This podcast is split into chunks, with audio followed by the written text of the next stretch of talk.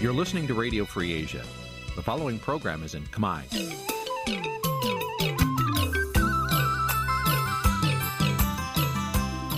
Nǐ chi càm bi tiệp xáy vệt chiu a zì sê នេះជាកម្មវិធីផ្សាយរបស់ Vithu Azisari ជាភាសាខ្មែរ វិទ្យុអាស៊ីសេរីសូមស្វាគមន៍លោកអ្នកនាងទាំងអស់ពីរដ្ឋធានី Washington នៃសហរដ្ឋអាមេរិក បាទពីទីក្រុងមែលប៊នប្រទេសអូស្ត្រាលីខ្ញុំបាទថាថៃសូមជម្រាបសួរលោកនាងកញ្ញាទាំងអស់ដែលកំពុងតាមដានការផ្សាយរបស់វិទ្យុអាស៊ីសេរីបាទយើងខ្ញុំសូមជូនកម្មវិធីផ្សាយសម្រាប់យប់ថ្ងៃពុធ4កើតខែបោះឆ្នាំខាលចត្វាស័កពុទ្ធសករាជ2566ត្រូវនឹងថ្ងៃទី25ខែមករាគ្រិស្តសករាជ2023បាទជាដំបូងនេះសូមអញ្ជើញលោកនាងស្ដាប់ព័ត៌មានប្រចាំថ្ងៃដែលមានមេត្តាដូចតទៅ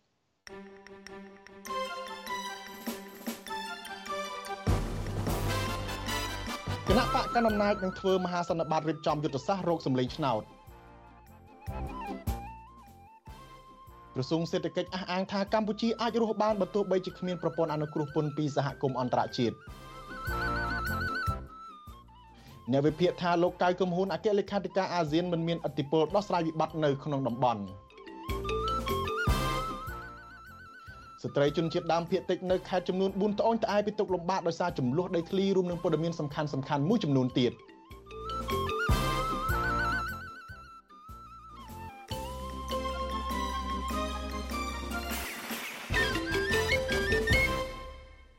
បាទជាបន្តទៅនេះខ្ញុំបាទថាថៃសូមជូនព័ត៌មានពិស្ដារដូចតទៅ បាទនៅលើក្រដាស់កម្ពុជាគឺជាប្រទេសប្រកាន់ខ្ជាប់នៅលទ្ធិប្រជាធិបតេយ្យសេរីពហុបកនិងមានច្បាប់ជាតិនិងអន្តរជាតិជាច្រើនដែលធានាការពារប្រជាពលរដ្ឋគ្រប់រូបឲ្យមានសិទ្ធិសេរីភាពបញ្ចេញមតិសេរីភាពខាងសារព័ត៌មាននិងសេរីភាពចូលរួមយ៉ាងសកម្មក្នុងជីវភាពនយោបាយក៏ប៉ុន្តែផ្ទុយទៅវិញ លោកនាយករដ្ឋមន្ត្រីហ៊ុនសែននិងកូនប្រុសច្បងរបស់លោកគឺលោកហ៊ុនម៉ាណែតបែរជាកំពុងធ្វើយុទ្ធនាការគម្រាមកំហែងនិងបំបិទសិទ្ធិរបស់ប្រជាពលរដ្ឋនិងអ្នកនយោបាយបកប្រឆាំងមិនឲ្យបញ្ចេញមតិរិះគន់គណៈបកប្រជាជនកម្ពុជាជាដើមបាទថាតើការគម្រាមកំហែងរបស់មេបកកាន់អំណាចបែបនេះប៉ះពាល់បែបណាខ្លះដល់សង្គមកម្ពុជាបាទខ្ញុំនឹងមានបទសម្ភាសន៍មួយជុំវិញរឿងនេះជាមួយនឹងអតីតសមាជិកកោជបនិងជាសមាជិកក្រុមប្រឹក្សាឃ្លាំមើលកម្ពុជាលោករងឈុននៅពេលបន្តិចទៀតនេះ។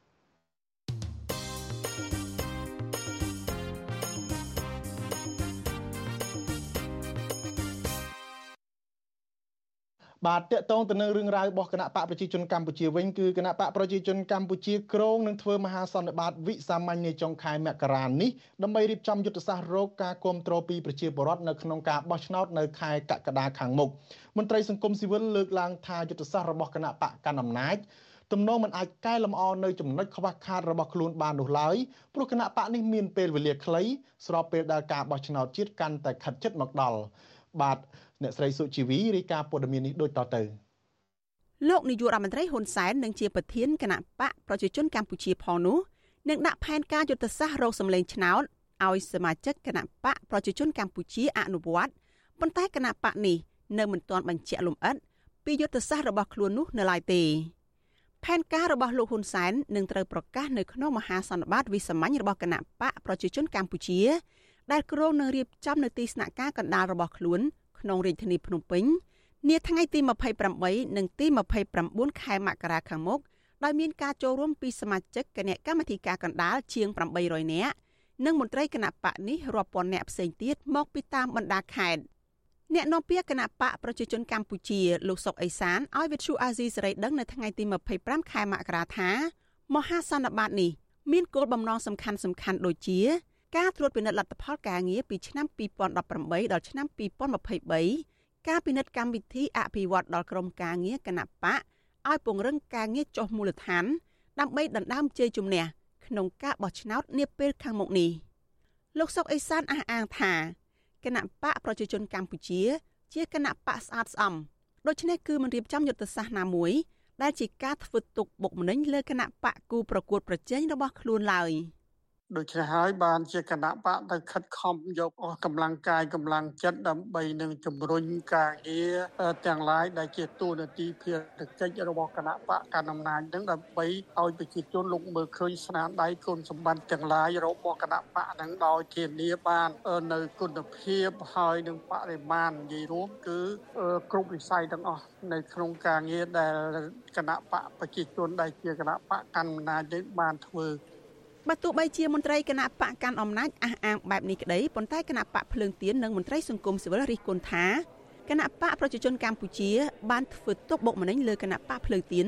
ដែលជាគូប្រកួតប្រជែងរបស់ខ្លួននៅមុនការបោះឆ្នោតជាបន្តបន្ទាប់តកតងយុទ្ធសាស្ត្ររបស់គណៈបកកាន់អំណាចនេះដែរប្រធានអង្គការសម្ព័ន្ធភាពការពារសិទ្ធិមនុស្សកម្ពុជាហៅកាត់ថាច្រាក់លោករស់សថាសង្កេតឃើញថា នៅរយៈពេលចុងក្រោយនេះ គណៈបកប្រជាជនកម្ពុជា បានធ្វើសកម្មភាពមួយចំនួនដើម្បីភ្ជាប់ខ្លួនជាមួយកសិករកម្មកររោងចក្រនិងពលរដ្ឋនៅក្រៅប្រទេសជាដើមលោករស់សថាសង្កេតឃើញថា នៅប៉ុន្មានឆ្នាំចុងក្រោយនេះគណៈបកកាន់អំណាចហាក់បាត់បង់ប្រជាប្រិយភាពគួរឲ្យព្រួយបារម្ភព្រោះគណៈបកនេះមិនបានអនុវត្តកិច្ចព្រមព្រៀងសន្តិភាពទីក្រុងប៉ារីសឲ្យបានពេញលេញមិនបានអនុវត្តការគោរពសិទ្ធិមនុស្សនិងប្រជាធិបតេយ្យ មន្ត្រីសិទ្ធិមនុស្សរូបនេះមិនរំពឹងថារយៈពេលដ៏ខ្លីខាងមុខនេះគណៈបកកណ្ដាលអំណាចអាចកែលម្អចំណុចខ្វះខាតរបស់ខ្លួនបានច្រើនឡើយដូច្នេះលោកថាបញ្ហានេះនឹងធ្វើឲ្យគណៈបកប្រជាជនកម្ពុជា ប្រឈមនឹងការបាត់បង់សម្លេងរបស់ខ្លួនមួយចំនួនធំ នៅក្នុងរដ្ឋសភា ក៏ដឹងថាវណ្ណៈបព្វជជនក៏ប្រើយុទ្ធសាស្ត្រច្រើនដែរក្នុងការធានាការជ្រើសឆ្នោតពីខាងមុខហ្នឹងអ្វីដែលខ្ញុំបានតាមវិស័យផ្សេងផ្សេងយុទ្ធសាស្ត្រក្នុងការធ្វើឲ្យភ្ជាប់ខ្លួនជាមួយប្រជាប្រដ្ឋជាដើមនិងផ្សេងផ្សេងទៀតដែលខ្ញុំមិនអាចនិយាយកើតណាបាទគាត់ដឹងថាគាត់បានប្រើប្រាស់យុទ្ធសាស្ត្រជាច្រើនក្នុងការតាក់ទាញប្រជាប្រិយភាពពីប្រជាប្រដ្ឋចំណែកអ្នកវិភាគនយោបាយលោកកឹមសុខយល់ថាគណៈបកប្រជាជនកម្ពុជាហាក់គ្មានចេតនាចង់កែលម្អខ្លួននោះទេព្រោះគណៈបកនេះមិនបានរៀបចំការបោះឆ្នោតមួយ ដែលអាចឲ្យគ្រប់ភាគីចូលរួមកែតម្រង់កោជបនិងការគោរពសិទ្ធិមនុស្សឬសិទ្ធិនយោបាយជាដើមលោកបន្តទៀតថា មហាសន្និបាតនេះគ្រាន់តែជាការបង្ហាញកម្លាំងរបស់គណៈបកកាន់អំណាចនៅមុនការបោះឆ្នោតលោកបន្តទៀតថា ជាទម្លាប់គណៈបកនេះតែងតែចូលចិត្តប្រមូលផ្ដុំកម្លាំងបង្ហាញឲ្យគូប្រកួតប្រជែងនិងពលរដ្ឋមើលឃើញថាគណៈបកនេះមានកម្លាំងខ្លាំងនិងមានអ្នកគាំទ្រច្រើនដែលយករូបភាពនេះ ធ្វើជាការបន្លំភ្នែកមហាជននៅក្នុងផែនការលួចសន្លឹកឆ្នោតនាពេលបោះឆ្នោតខាងមុខមហាសន្និបាតនោះបំភាន់មហាជន ថាគេមានកម្លាំងខ្លាំងគេមានបណ្ដាញខ្លាំងដែលគេសមនឹងឈ្នះការបោះឆ្នោតឆ្នាំ2023ក៏ប៉ុន្តែយើងដឹងហើយការបោះឆ្នោតនោះគេអាចឈ្នះដោយវិធីគៀបសង្កត់គូប្រជែងលួចបន្លំប្លន់លទ្ធផលបោះឆ្នោតមិនមែនដោយសារតែកម្លាំងរបស់គណៈបកប្រជាជនកម្ពុជាខ្លាំងដូចដែលគេបង្ហាញនៅឯមហាសន្និបាតនោះទេ ការប្រកាសគម្រោងធ្វើមហាសន្និបាតរបស់គណៈបកកណ្ដាលអំណាចនៅពេលនេះស្របពេលដែលប្រធានគណៈបកនេះគឺលោកហ៊ុនសែនបានប្រកាសជាចំហថាលោកប្រើទាំងអំណាចតុលាការនិងប្រើអំពើហិង្សាលើគណៈបកភ្លើងទៀនក្រុមអ្នកខ្លាំមើលស្ថានភាពនយោបាយចង់ឃើញគណៈបកកណ្ដាលអំណាចធ្វើខ្លួនជាគណៈបកចាស់ទុំនិងបង្កបរិយាកាសនយោបាយល្អ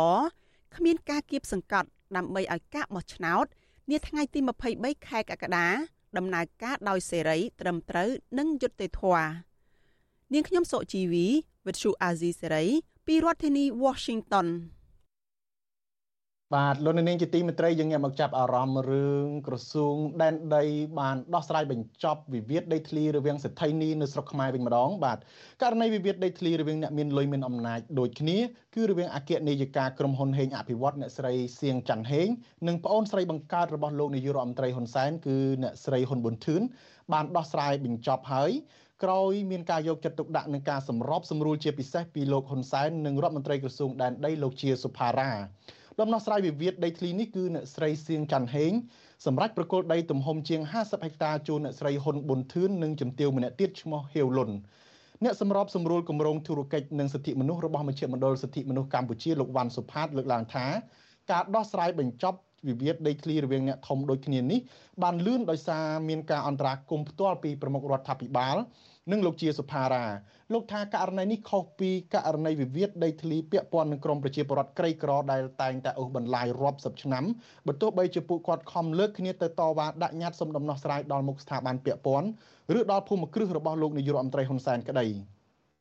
លើសពីនេះលោកមើលឃើញថាករណីដែលអ្នកស្រីសៀងច័ន្ទហេងសម្រាប់ប្រកល់ដីជូនប្អូនស្រីរបស់លោកហ៊ុនសែននៅពេលនេះបង្ហាញថាភាគីណាដែលមានឥទ្ធិពលធំជាងគេតែងតែឈ្នះក្តី បាទលោកក៏សម្គាល់ឃើញថាក្នុងករណីចំនួនដីធ្លីរវាងអ្នកក្រនិងក្រុមហ៊ុនរបស់អ្នកមានលុយមានអំណាចកន្លងមកគឺពលរដ្ឋតែងតែចាញ់អស់ដីឬថែមទាំងជាប់គុកទៀតផងហើយករណីខ្លះបើទោះបីជាបានដំណោះស្រាយក៏មិនពេញលេញឡើយអ្នកសម្របសម្រួលគម្រោងធុរកិច្ចនិងសិទ្ធិមនុស្សរបស់មជ្ឈមណ្ឌលសិទ្ធិមនុស្សកម្ពុជារូបនេះយល់ថាការដោះស្រាយវិវាទដីធ្លីរបៀបនេះបង្កើតឲ្យមានភាពអយុត្តិធម៌នៅក្នុងសង្គមធ្ងន់ធ្ងរ រដ្ឋមន្ត្រីក្រសួងរៀបចំដែនដីនគររូបនីយកម្មនិងសំណង់លោកជាសុផារ៉ាបានប្រញាប់ប្រញាល់ខ្នះខ្នែងដោះស្រាយវិវាទដីធ្លីរវាងអ្នកស្រីសៀងច័ន្ទហេងនិងប្អូនស្រីរបស់លោកហ៊ុនសែនគឺអ្នកស្រីហ៊ុនប៊ុនធឿនក្នុងបន្ទប់ម៉ាស៊ីនត្រជាក់នាទីស្តីការក្រសួងយ៉ាងយកចិត្តទុកដាក់ក្រោយមានបញ្ជាផ្ទាល់ពីលោកហ៊ុនសែន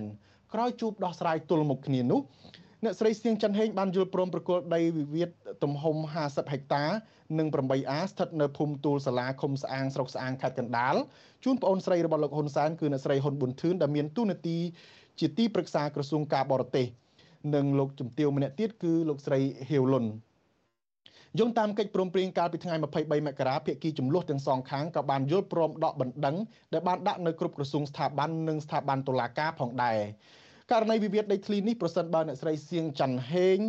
មិនព្រមប្រកល់ដីឲ្យអ្នកស្រីហ៊ុនប៊ុនធឿនទេអ្នកស្រីក៏ទំនងជាមិនមានជោគវាសនាក៏មានជោគវាសនាមិនខុសពីប្រជាពលរដ្ឋទូទៅដែរគឺអាចអស់ទាំងដីនិងថែមទាំងជាប់គុកទៀតផងព្រោះលោកហ៊ុនសែនបានប្រាស្រ័យទីស្តីការគណៈរដ្ឋមន្ត្រីឲ្យចេញលិខិតចាប់ខ្លួនអង្គញារូបនេះរួចជាស្រេចហើយកាលពីចុងខែធ្នូឆ្នាំ2022បើទោះបីជាយ៉ាងណា កន្លងមកទាំងអ្នកស្រីសៀងច័ន្ទហេងនិងអ្នកស្រីហ៊ុនប៊ុនធឿននិងអ្នកស្រីហៀវលុនជាដើមសុទ្ធតែធ្លាប់មានរឿងអាស្រូវស្រដៀងគ្នាជាយូរមកហើយរឿងប្រើអធិបុលច្បាមយកដីប្រជាពលរដ្ឋក្រីក្រជាច្រើនកន្លែង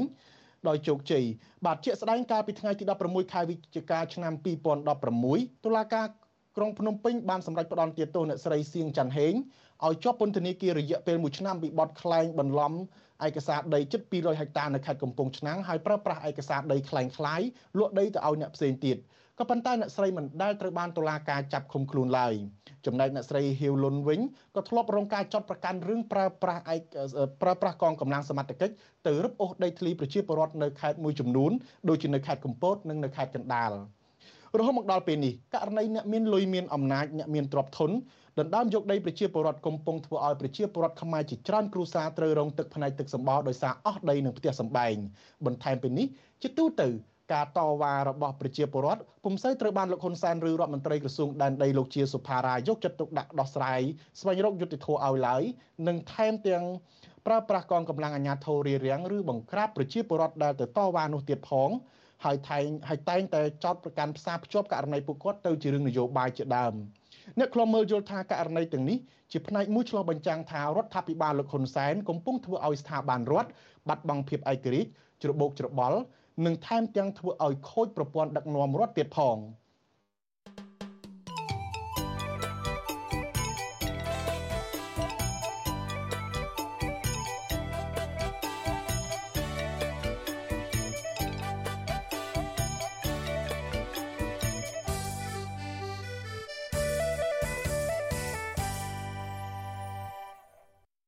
បាទយើងងាកទៅមើលរឿងត្រីប្រហុកវិញម្ដងប្រជាពលរដ្ឋរស់នៅរាជធានីភ្នំពេញនិងតាមបណ្ដាខេត្តនានាសម្រុកប្រមូលទិញត្រីនៅពីប្រជានេសាទតាមដងទន្លេសាបក្នុងខេត្តកណ្ដាលដើម្បីធ្វើផ្អកប្រហុកនៅក្នុងរដូវផលនេសាទក្នុងឆ្នាំ2022និងឆ្នាំ2023ប្រជានេសាទបង្ហាញអារម្មណ៍រីករាយដែលឆ្នាំនេះសម្បូរត្រីជាងឆ្នាំមុនមុនបានលោកនៅវណ្ណរិនរាយការណ៍ព័ត៌មាននេះ ពលរដ្ឋខ្មែររស់នៅក្នុងរាជធានីភ្នំពេញនិងខេត្តមួយចំនួន ដែលនិយមធ្វើប្រហុកផ្អកបានចាប់ផ្ដើមប្រមូលទិន្នផលត្រីតូចតូចដូចជាត្រីរៀលជាដើមពីផ្សារមួយកន្លែងជាប់មាត់ទន្លេសាបក្នុងស្រុកពញាលឺខេត្តកណ្ដាលប្រជានេសាទនិងអ្នកទិញត្រីបញ្ជាក់ប្រាប់អាស៊ីសេរីថាត្រីប្រហុកឆ្នាំនេះមានតម្លៃថោកជាងឆ្នាំមុន ដោយសារតែទិន្នផលត្រីកើនឡើងទ្វេដងឆ្នាំហ្នឹងមកពីទឹកវា ធំដល់ពេលអញ្ចឹងត្រីវាសវោសវោជាងឆ្នាំមុនឆ្ងាយហើយគោតម្លៃធូរថ្លៃជាងឆ្នាំមុនលោកខនធូអ្នកនេសាទរស់នៅក្នុងឃុំកំពង់លួងស្រុកពញាលឺខេត្តកណ្ដាលថ្លែងថាមូលហេតុដែលត្រីធូរថ្លៃជាងមុនដោយសារតែត្រីសម្បូរហើយអ្នកនេសាទចាប់បានត្រីជាច្រើនតោនក្នុងមួយថ្ងៃមួយថ្ងៃ លោកបន្ថែមថាឈ្មួញកណ្ដាលតែងតែមកទិញត្រីដល់ទីតាំងផ្ទាល់នៅក្នុងស្រុកពញាលឺខេត្តកណ្ដាលដោយត្រីក្នុង1គីឡូក្រាមតម្លៃ2000រៀលធៀបទៅនឹងឆ្នាំមុនមានតម្លៃ3000រៀលយើងវាមានផលលំបាកអីទេព្រោះបងប្អូនយើងមករកត្រីច្រើនអញ្ចឹងយើងសប្បាយចិត្តត្រីអូសម្រាប់ការលក់ដូរបានលុយប្រាក់កាក់អញ្ចឹងណា យើងអត់មានអីបើថាអត់មានអ្នកមកទិញមកអីចឹងអាហ្នឹងយើងអាចមានផលលំបាកច្រើនព្រោះយើងយកពីគេមកយើងឲ្យលុយគេដល់ពេលអញ្ចឹងយើងអត់មានអ្នកមកទិញត្រីចុះមកអញ្ចឹងយើងមានផលលំបាកយើងខាតអញ្ចឹងដឹងយកទៅណាអញ្ចឹងណាយើងសប្បាយចិត្តដែរពេលឃើញបងប្អូនយើងចុះមកទិញត្រីទិញអីច្រើនអញ្ចឹងសប្បាយចិត្ត រដូវនេសាទត្រីដើម្បីធ្វើត្រីប្រហុកនិងផ្អកមានរយៈពេល6ថ្ងៃក្នុងពេលដែលត្រីច្រាឡើង គឺចាប់តាំងពីចុងខែធ្នូដល់ដើមខែមករាជារៀងរាល់ឆ្នាំអ្នកនេសាទថាផលត្រីឆ្នាំនេះកើនឡើងជាច្រើនដោយសារតែអាជ្ញាធររដ្ឋបន្ទឹង និងអនុវត្តច្បាប់នេសាទនិងកត្តាប្រែប្រួលកម្រិតទឹកនៅរដូវវស្សាកើនឡើងខ្ពស់ដោយអំណោយផលល្អធ្វើឲ្យត្រីបង្កកំណើតបានច្រើន បងប្អូនអ្នកស្រែយើងចង់មកត្រីវាច្រើនដែរអញ្ចឹងណាបងអាជីវករទិញត្រីពីអ្នកនេសាទក្នុងឃុំកំពង់លួង គឺលោកស្រីអាតិកាថ្លែងថានៅពេលដែលអ្នកនេសាទចាប់បានត្រីច្រើន លោកស្រីក៏អាចទិញត្រីបានច្រើនផងដែរហើយយកទៅលក់បន្តចំណេញបានប្រាក់ច្រើនគួរសមលោកស្រីអង្កេតឃើញថាតម្លៃត្រីថោកឬថ្លៃអាស្រ័យទៅលើកំណើនផលត្រីចាប់បានរបស់ប្រជានេសាទ យាយទៅឆ្នាំទៅក៏បានថាផែគ្នាតម្លៃឆ្នាំនេះរៀងធូរថ្លៃជាងបងបងប្អូនយើងអ្នកស្រែចុះមកទៅអត់ត្រីតម្លៃធូរថ្លៃហ្មងចំណូលបានខ្លះខ្លះដែរបងឲ្យតែយើងវោត្រីទិញត្រីគេបានគេអ្នករោបានច្រើនយើងទិញបានច្រើនយើងលក់ក៏បានកម្រៃច្រើនដែរពេលខ្លះវាបញ្ឈរលំបាកដូចថាពេលខ្លះត្រីជន់ទៅលក់អត់សូវដាច់ចឹងណាកាត់មក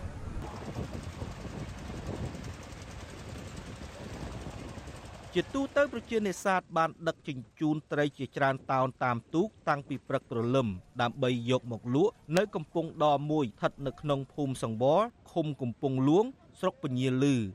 ពេលមកដល់មាត់កំពង់អ្នកនេសាទលើកត្រីចេញពីទូករួចកាត់ក្បាលត្រីធ្វើស្រកាវះពោះភ្លាមភ្លាមដើម្បីយកទៅលក់ឲ្យឈ្មួញធ្វើប្រហុកផ្អកឬម៉ាំជាដើមត្រីដែលអ្នកនេសាទចាប់បានភាគច្រើនជាត្រីតូចតូចចម្រុះរួមមានត្រីរៀល ត្រីស្លឹកឫស្សីត្រីខ្នងវែងនិងត្រីក្បកជាដើមជុំវិញរឿងនេះនាយកប្រតិបត្តិអង្គការបណ្ដាញការពារទន្លេ3លោកលៀងប៊ុនលៀបពន្យល់ប្រាប់ថា ដើម្បីឲ្យកំណើនត្រីកើនអាជ្ញាធរត្រូវពិនិត្យឡើងវិញនៅទីតាំងសំខាន់សំខាន់ដែលជាជំរកត្រីរស់នៅ រួមមានតំបន់ព្រៃលិចទឹក និងអន្លង់អភិរក្សហើយអាជ្ញាធរ គួរហាមឃាត់មិនឲ្យមានការបង្ហូរជាតិពុលគីមី និងឧបករណ៍នេសាទខុសច្បាប់ទៅក្នុងតំបន់នោះទេតែកាលណាវាមានត្រីអញ្ចឹង វាបណ្ដាលឲ្យឆ្នាំក្រោយៗទៅទៀតវានឹងអស់ត្រីហ្នឹងបាទនេះគឺជាអ្វីមួយដែលយើងពិចារណាពិនិត្យមើលថាតើត្រីអស់ហ្នឹងជាត្រីដែលយើងគួរសប្បាយនឹងនឹងផលវាចាប់បានទេឬក៏ប្រភេទត្រីដែលកំពុងតែរងគ្រោះបាទនេះឯងគឺជាគំនិតមួយដែលខ្ញុំជូនទៅសម្រាប់ប្រជាកសិករយកទៅពិចារណាថាមិនមែនឲ្យតែច្រើនឆ្នាំហ្នឹងចាំក្រោយច្រើនទៀតនោះទេបាទ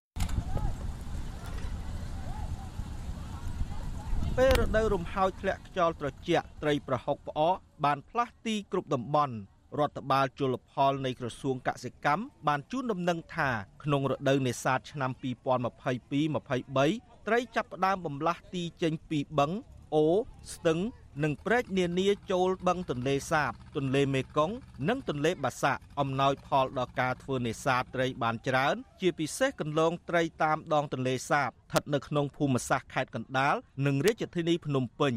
ក្រសួងថារដូវត្រីច្រាលឆ្នាំនេះគឺចាប់ពីថ្ងៃទី29ខែធ្នូឆ្នាំ2022ដល់ថ្ងៃទី3ខែមករាឆ្នាំ2023ប្រសិនបើករណីមេឃស្រឡះល្អ ខ្ញុំបាទនៅវណ្ណរិនវិទ្យុអាស៊ីសេរីពីរដ្ឋធានី Washington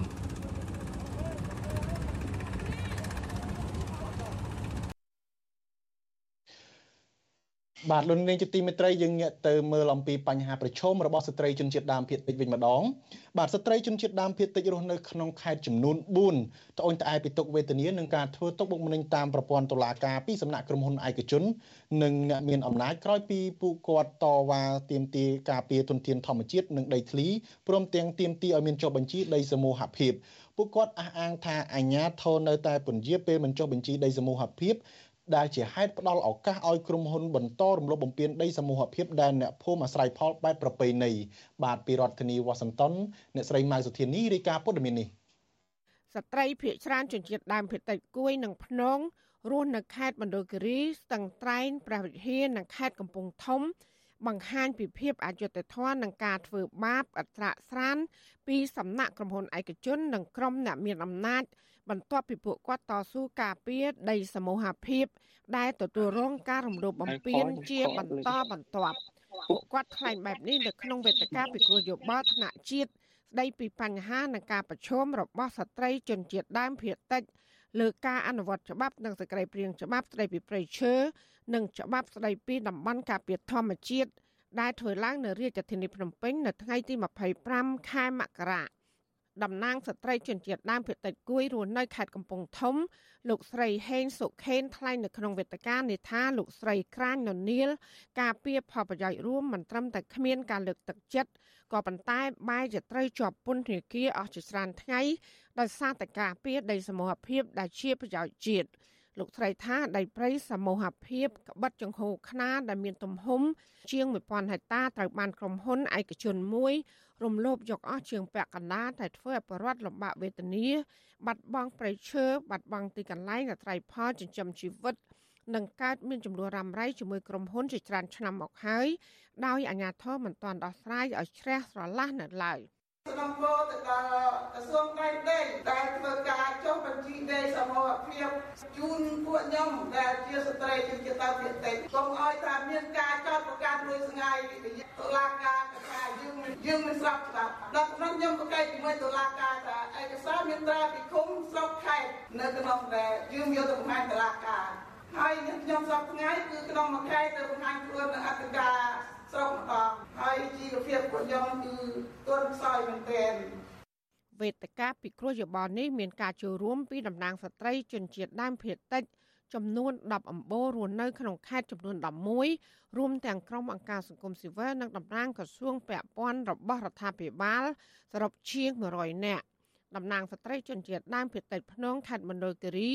លោកស្រីផ្លឹកភិរមថ្លែងនៅក្នុងវេទិកានេះថាមកដល់ពេលនេះ ជនជាតិដើមភាគតិចនៅខេត្តមណ្ឌលគិរីយ៉ាងហោចណាស់ចំនួន15នាក់ហើយដែលជាប់បណ្ដឹងនៅតុលាការដោយសារតែការពៀដីព្រៃសមូហភាព និងទប់ស្កាត់បាត់ល្មើសព្រៃឈើលោកស្រីបន្តថានៅពេលនេះដីព្រៃសមូហភាព5កន្លែងដែលពួកគាត់ដាក់ពាក្យស្នើសុំចុះបញ្ជី ដើម្បីការពារប្រយោជន៍រួមអាជ្ញាធរតែងតែបដិសេធនិងផ្ដល់ឱកាសឲ្យក្រុមអ្នកមានអំណាចនិងក្រុមហ៊ុនឯកជន រំលោភបំពានជាបន្តបន្ទាប់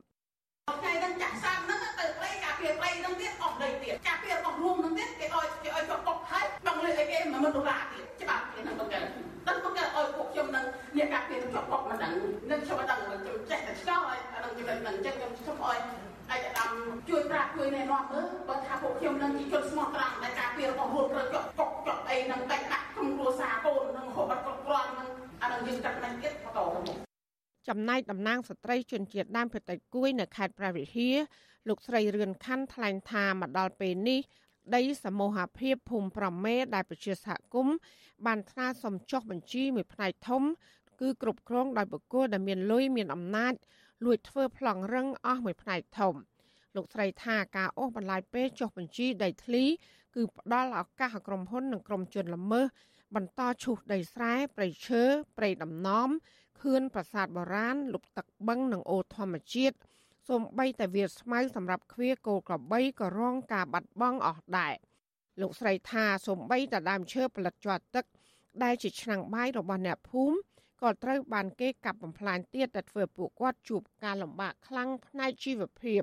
ពួកខ្ញុំការរស់នៅតាំងពីដូនតាបាត់បង់ប្រពៃណីបាត់បង់របស់រស់ស៊ីបាត់បង់ដើមជួយច្បាស់តាំងបន្លែបកាព្រៃព្រៃដោយទីស្លឹកប្រាច់ស្លឹកអីពួកខ្ញុំបាត់បង់អស់ហើយសុំមេដីធ្វើស្រែចំការឲ្យបានគ្រប់គ្រាន់មិនបានទៅទៀតខុសច្បាប់អ្នកណាហ៊ានធ្វើចាប់សេចក្តីថ្លែងការណ៍របស់ស្ត្រីជនជាតិដើមភាគតិចនៅក្នុងវេទិកានេះបង្ហាញថាមកដល់ពេលនេះ មានស្ត្រីជនជាតិដើមភាគតិចយ៉ាងហោចណាស់42នាក់កំពុងជាប់បណ្ដឹងនៅតុលាការហើយដែលប្រឈមនឹងជាប់ទោសពន្ធនាគារនិងសំណងជាប្រាក់ជាច្រើនពាន់ដុល្លារអាមេរិកហើយមានស្ត្រីខ្លះទៀតក៏បានជាប់ពន្ធនាគារអស់ជាច្រើនថ្ងៃជុំវិញរឿងនេះមន្ត្រីតំណាងឲ្យក្រសួងយុតិធធលោកទឹមស៊ីថាបកស្រាយនៅក្នុងវេទិកានេះថាលោកនឹងទទួលយកសំណុំពរទាំងឡាយរបស់ប្រជាសហគមន៍ដាក់ជូនថ្នាក់ដឹកនាំ ដើម្បីពិនិត្យនិងដោះស្រាយតាមច្បាប់លោកក៏បានជំរុញឲ្យស្ត្រីដែលជាប់បណ្ដឹងនៅតុលាការផ្ញើរបាយការណ៍និងឯកសារពាក់ព័ន្ធទៅលោកដើម្បីពិនិត្យនិងសម្របសម្រួលដោះស្រាយ។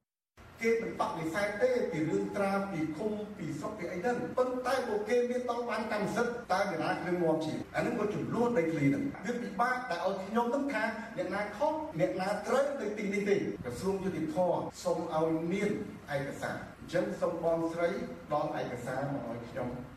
សេចក្តីថ្លែងការណ៍ដដែលបន្ថែមថាការបាត់បង់ដីធ្លីនិងធនធានធម្មជាតិនាំឲ្យមានចំនួនតតែងជាមួយក្រុមហ៊ុនឯកជន និងបុគ្គលឯកជន ដែលធ្វើអាជីវភាពជនជាតិដើមភាគតិចជួបការលំបាកខ្លាំងនិងបាត់បង់មុខរបរប្រពៃណីទំនៀមទម្លាប់ ភាសានិងសេចក្តីសុខរបស់ប្រជាសហគមន៍ដែលមានទម្លាប់អាស្រ័យផលប្រៃឈើតាំងពីបុរាណកាលមក បន្ថែមពីនេះអាជ្ញាធរថ្នាក់ក្រោមជាតិខ្លះបានរើអើងមិនទទួលស្គាល់អត្តសញ្ញាណជនជាតិដើមភាគតិចដែលផ្ដល់ឱកាសឲ្យអ្នកខាងក្រៅកັບទន្ទ្រានព្រៃនិងទិញយកដីពីបរដ្ឋដែលធ្វើឲ្យរាំងស្ទះដល់ដំណើរការចុះបញ្ជីដីជាកម្មសិទ្ធិសមូហភាពតាមច្បាប់ចាននាងខ្ញុំម៉ៃសុធានីវិទ្យុអាស៊ីសេរីប្រធានាធិបតី Washington បាទលោកនាងជាទីមេត្រី អ្នកតាមដានកិច្ចការអន្តរជាតិលើកឡើងថាលោកកៅកំហួនដែលអាស៊ានបានជ្រឹះតាំងធ្វើជាអគ្គលេខាធិការអាស៊ាននោះនឹងមិនមានឥទ្ធិពលអ្វីនៅក្នុងការចូលរួមដោះស្រាយវិបត្តិនៅក្នុងតំបន់ឡើយជាពិសេសចំនួននៅក្នុងប្រទេសភូមាបាទការលើកឡើងនេះនៅស្របពេលដែលលោកកៅកំហ៊ុនត្រូវបានជ្រឹះតាំងឲ្យធ្វើជាអគ្គលេខាធិការអាស៊ានដែលធ្វើឡើងនៅប្រទេសឥណ្ឌូនេស៊ីកាលពីដើមខែមករានេះបាទលោកនាងនឹងបានស្ដាប់សេចក្តីរាយការណ៍នេះពឹស្ដានៅពេលបន្តិចទៀត។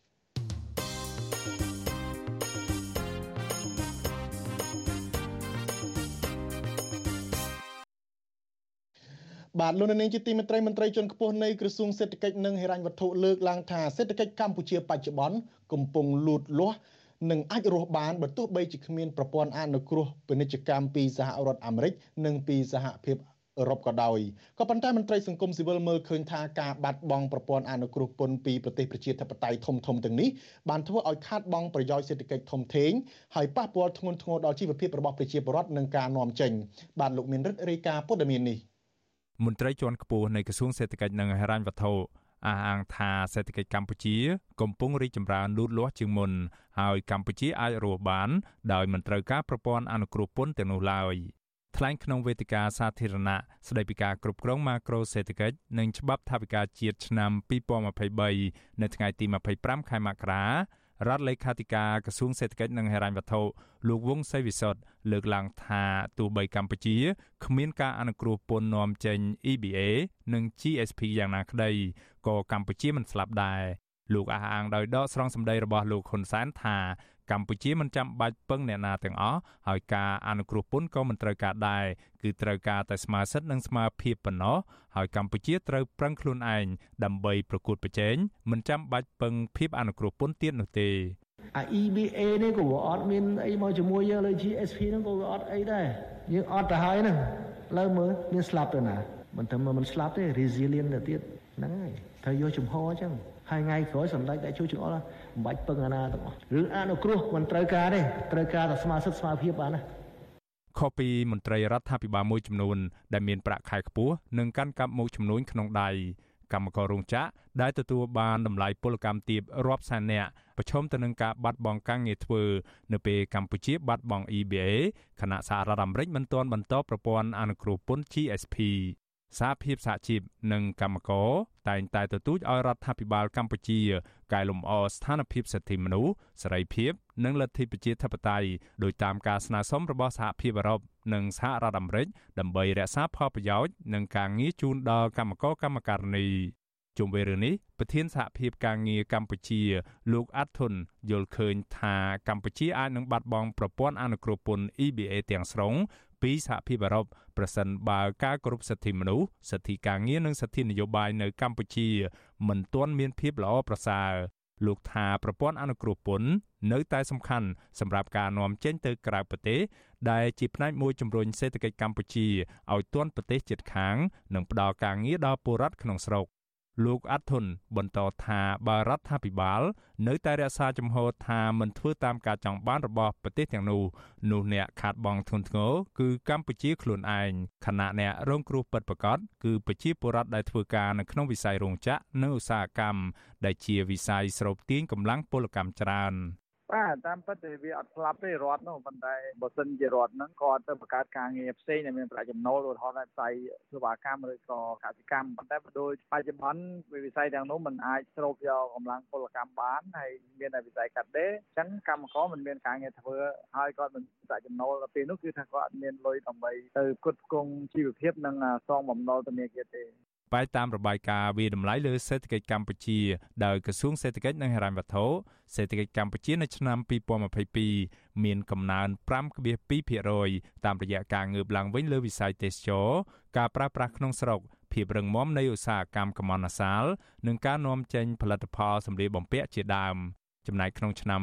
2023នេះក្រសួងសេដ្ឋកិច្ចបានបន្ទាបការព្យាករណ៍សេដ្ឋកិច្ចកម្ពុជាពី6.6%មកនៅត្រឹម5.6%វិញដោយមូលហេតុមួយចំនួន ដែលបណ្ដាលមកពីភាពយឺតយ៉ាវនៃការវិនិយោគលើវិស័យសំណង់និងអចលនទ្រព្យ ទោះជាយ៉ាងណារបាយការណ៍របស់ធនាគារពិភពលោកផ្សាយកាលពីចុងឆ្នាំ2022ព្យាករណ៍ថា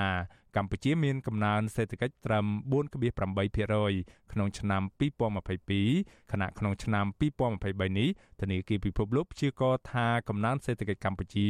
អាចនឹងទទួលបានក្នុងរង្វង់5.2% ធនាគារពិភពលោកព្រមានថាបើទោះជាមានកំណើននេះក៏ដោយក៏សេដ្ឋកិច្ចកម្ពុជាប្រឈមទៅនឹងហានិភ័យធ្ងន់ធ្ងរដោយសារតែការវិវត្តសភាពការក្រៅព្រំដែនរបស់កម្ពុជាធនាគារពិភពលោកពន្យល់ថាកម្ពុជាមានសេដ្ឋកិច្ចទំហំតូច ដែលបើកចំហ ចំពោះការធ្វើពាណិជ្ជកម្មខាងក្រៅនិងការវិនិយោគពីបរទេសហើយទស្សនវិស័យកំណើនពិភពលោក នៅមានសភាពអាប់អួរ ក៏រហូតមកទល់ពេលនេះមានរោងចក្រសហគ្រាសកំពុងដំណើរការនៅកម្ពុជាប្រមាណ1900រោងចក្រដោយឡែកក្នុងឆ្នាំ2021និងឆ្នាំ2022មានរោងចក្រសហគ្រាសចំនួន226រោងចក្របានបិទទ្វារបណ្ដាលឲ្យកម្មករជាច្រើនម៉ឺននាក់បាត់បង់ការងារធ្វើក្រោយពេលសហភាពអឺរ៉ុបដកប្រព័ន្ធអនុគ្រោះពន្ធ EBA 20%ពីកម្ពុជា កាលពីខែសីហាឆ្នាំ2020 ថ្មីថ្មីនេះរោងចក្រ Limline International បានបិទអាជីវកម្មរបស់ខ្លួន បណ្ដាលឲ្យកម្មករជិត1000នាក់បាត់បង់ការងារធ្វើក្រោមហេតុផលគ្មានអ្នកបញ្ជាទិញចំណែកឯរោងចក្រមួយចំនួនទៀតដូចជារោងចក្រ Nian Kit Cambodia កំពុងព្យួរការងារនិងកាត់បន្ថយម៉ោងធ្វើការរបស់កម្មករខណៈរោងចក្រមួយចំនួនទៀតកំពុងកេងប្រវ័ញ្ចនឹងរំលោភសិទ្ធិការងារ បើទោះបីជាមន្ត្រីរដ្ឋាភិបាលអះអាងថាសេដ្ឋកិច្ចកម្ពុជាមានកំណើនយ៉ាងណាក្តីក៏កម្មករនៅតាមរោងចក្រសហគ្រាសមួយចំនួន នៅតែរងផលប៉ះពាល់ពីការបាត់បង់ការងារធ្វើនិងការកាត់បន្ថយម៉ោងធ្វើការដែលធ្វើឲ្យពួកគេរស់នៅក្នុងជីវភាពលំបាក ក៏ប៉ុន្តែលោកនាយរដ្ឋមន្ត្រីហ៊ុនសែននៅតែរក្សាជំហរដដែលថាលោកមិនធ្វើតាមការបង្គាប់បញ្ជារបស់បរទេសនិងចាត់ទុកថាការស្នើសុំរបស់ប្រទេសលោកសេរីជាការជ្រៀតជ្រែកផ្ទៃក្នុងរបស់កម្ពុជាកាលពីខែឧសភាឆ្នាំ2022កន្លងទៅសភាអឺរ៉ុបប្រមានថានឹងដកហូតប្រព័ន្ធអនុគ្រោះពន្ធ EBA ទាំងស្រុងពីកម្ពុជាបើរកឃើញថាការបោះឆ្នោតខាងមុខប្រព្រឹត្តទៅដោយមិនសេរីនិងមិនយុត្តិធម៌ ក្រោយសហភាពអឺរ៉ុបបានដកប្រព័ន្ធអនុគ្រោះពន្ធ EBA 20%ពីកម្ពុជារដ្ឋាភិបាលរបស់លោកនាយរដ្ឋមន្ត្រីហ៊ុនសែនបានបញ្ញាបញ្ញាលទៅចុះកិច្ចព្រមព្រៀងពាណិជ្ជកម្មសេរីជាមួយប្រទេសចិននិងកូរ៉េខាងត្បូងខណៈកំពុងសិក្សាពីលទ្ធភាពចុះកិច្ចព្រមព្រៀងពាណិជ្ជកម្មសេរីជាមួយបណ្ដាប្រទេសធំៗមួយចំនួនទៀតលោកហ៊ុនសែនក៏បានជំរុញឲ្យសហភាពអឺរ៉ុបបង្កើតកិច្ចព្រមព្រៀងពាណិជ្ជកម្មសេរីជាមួយតំបន់អាស៊ានទាំងមូលជារួមផងដែរខ្ញុំបានមេរិត Visual C ស្រី ពីរដ្ឋធានី Washington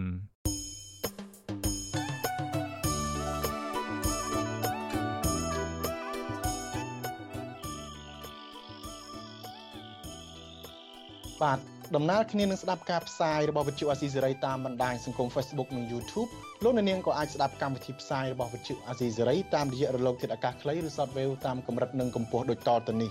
ពេលព្រឹកចាប់ពីម៉ោង5កន្លះដល់ម៉ោង6កន្លះតាម រយៈប៉ុស SW 939 MHz ស្មើនឹងកម្ពស់ 32m និងប៉ុស SW 1185 MHz ស្មើនឹងកម្ពស់ 25m ពេលយប់ចាប់ពីម៉ោង7កន្លះដល់ម៉ោង8កន្លះតាមរយៈប៉ុស SW 9.39 MHz ស្មើនឹងកម្ពស់ 32m ប៉ុស SW 11.88 MHz ស្មើនឹងកម្ពស់ 25m និងប៉ុស SW 15.15 MHz ស្មើនឹងកម្ពស់ 20m សូមអរគុណ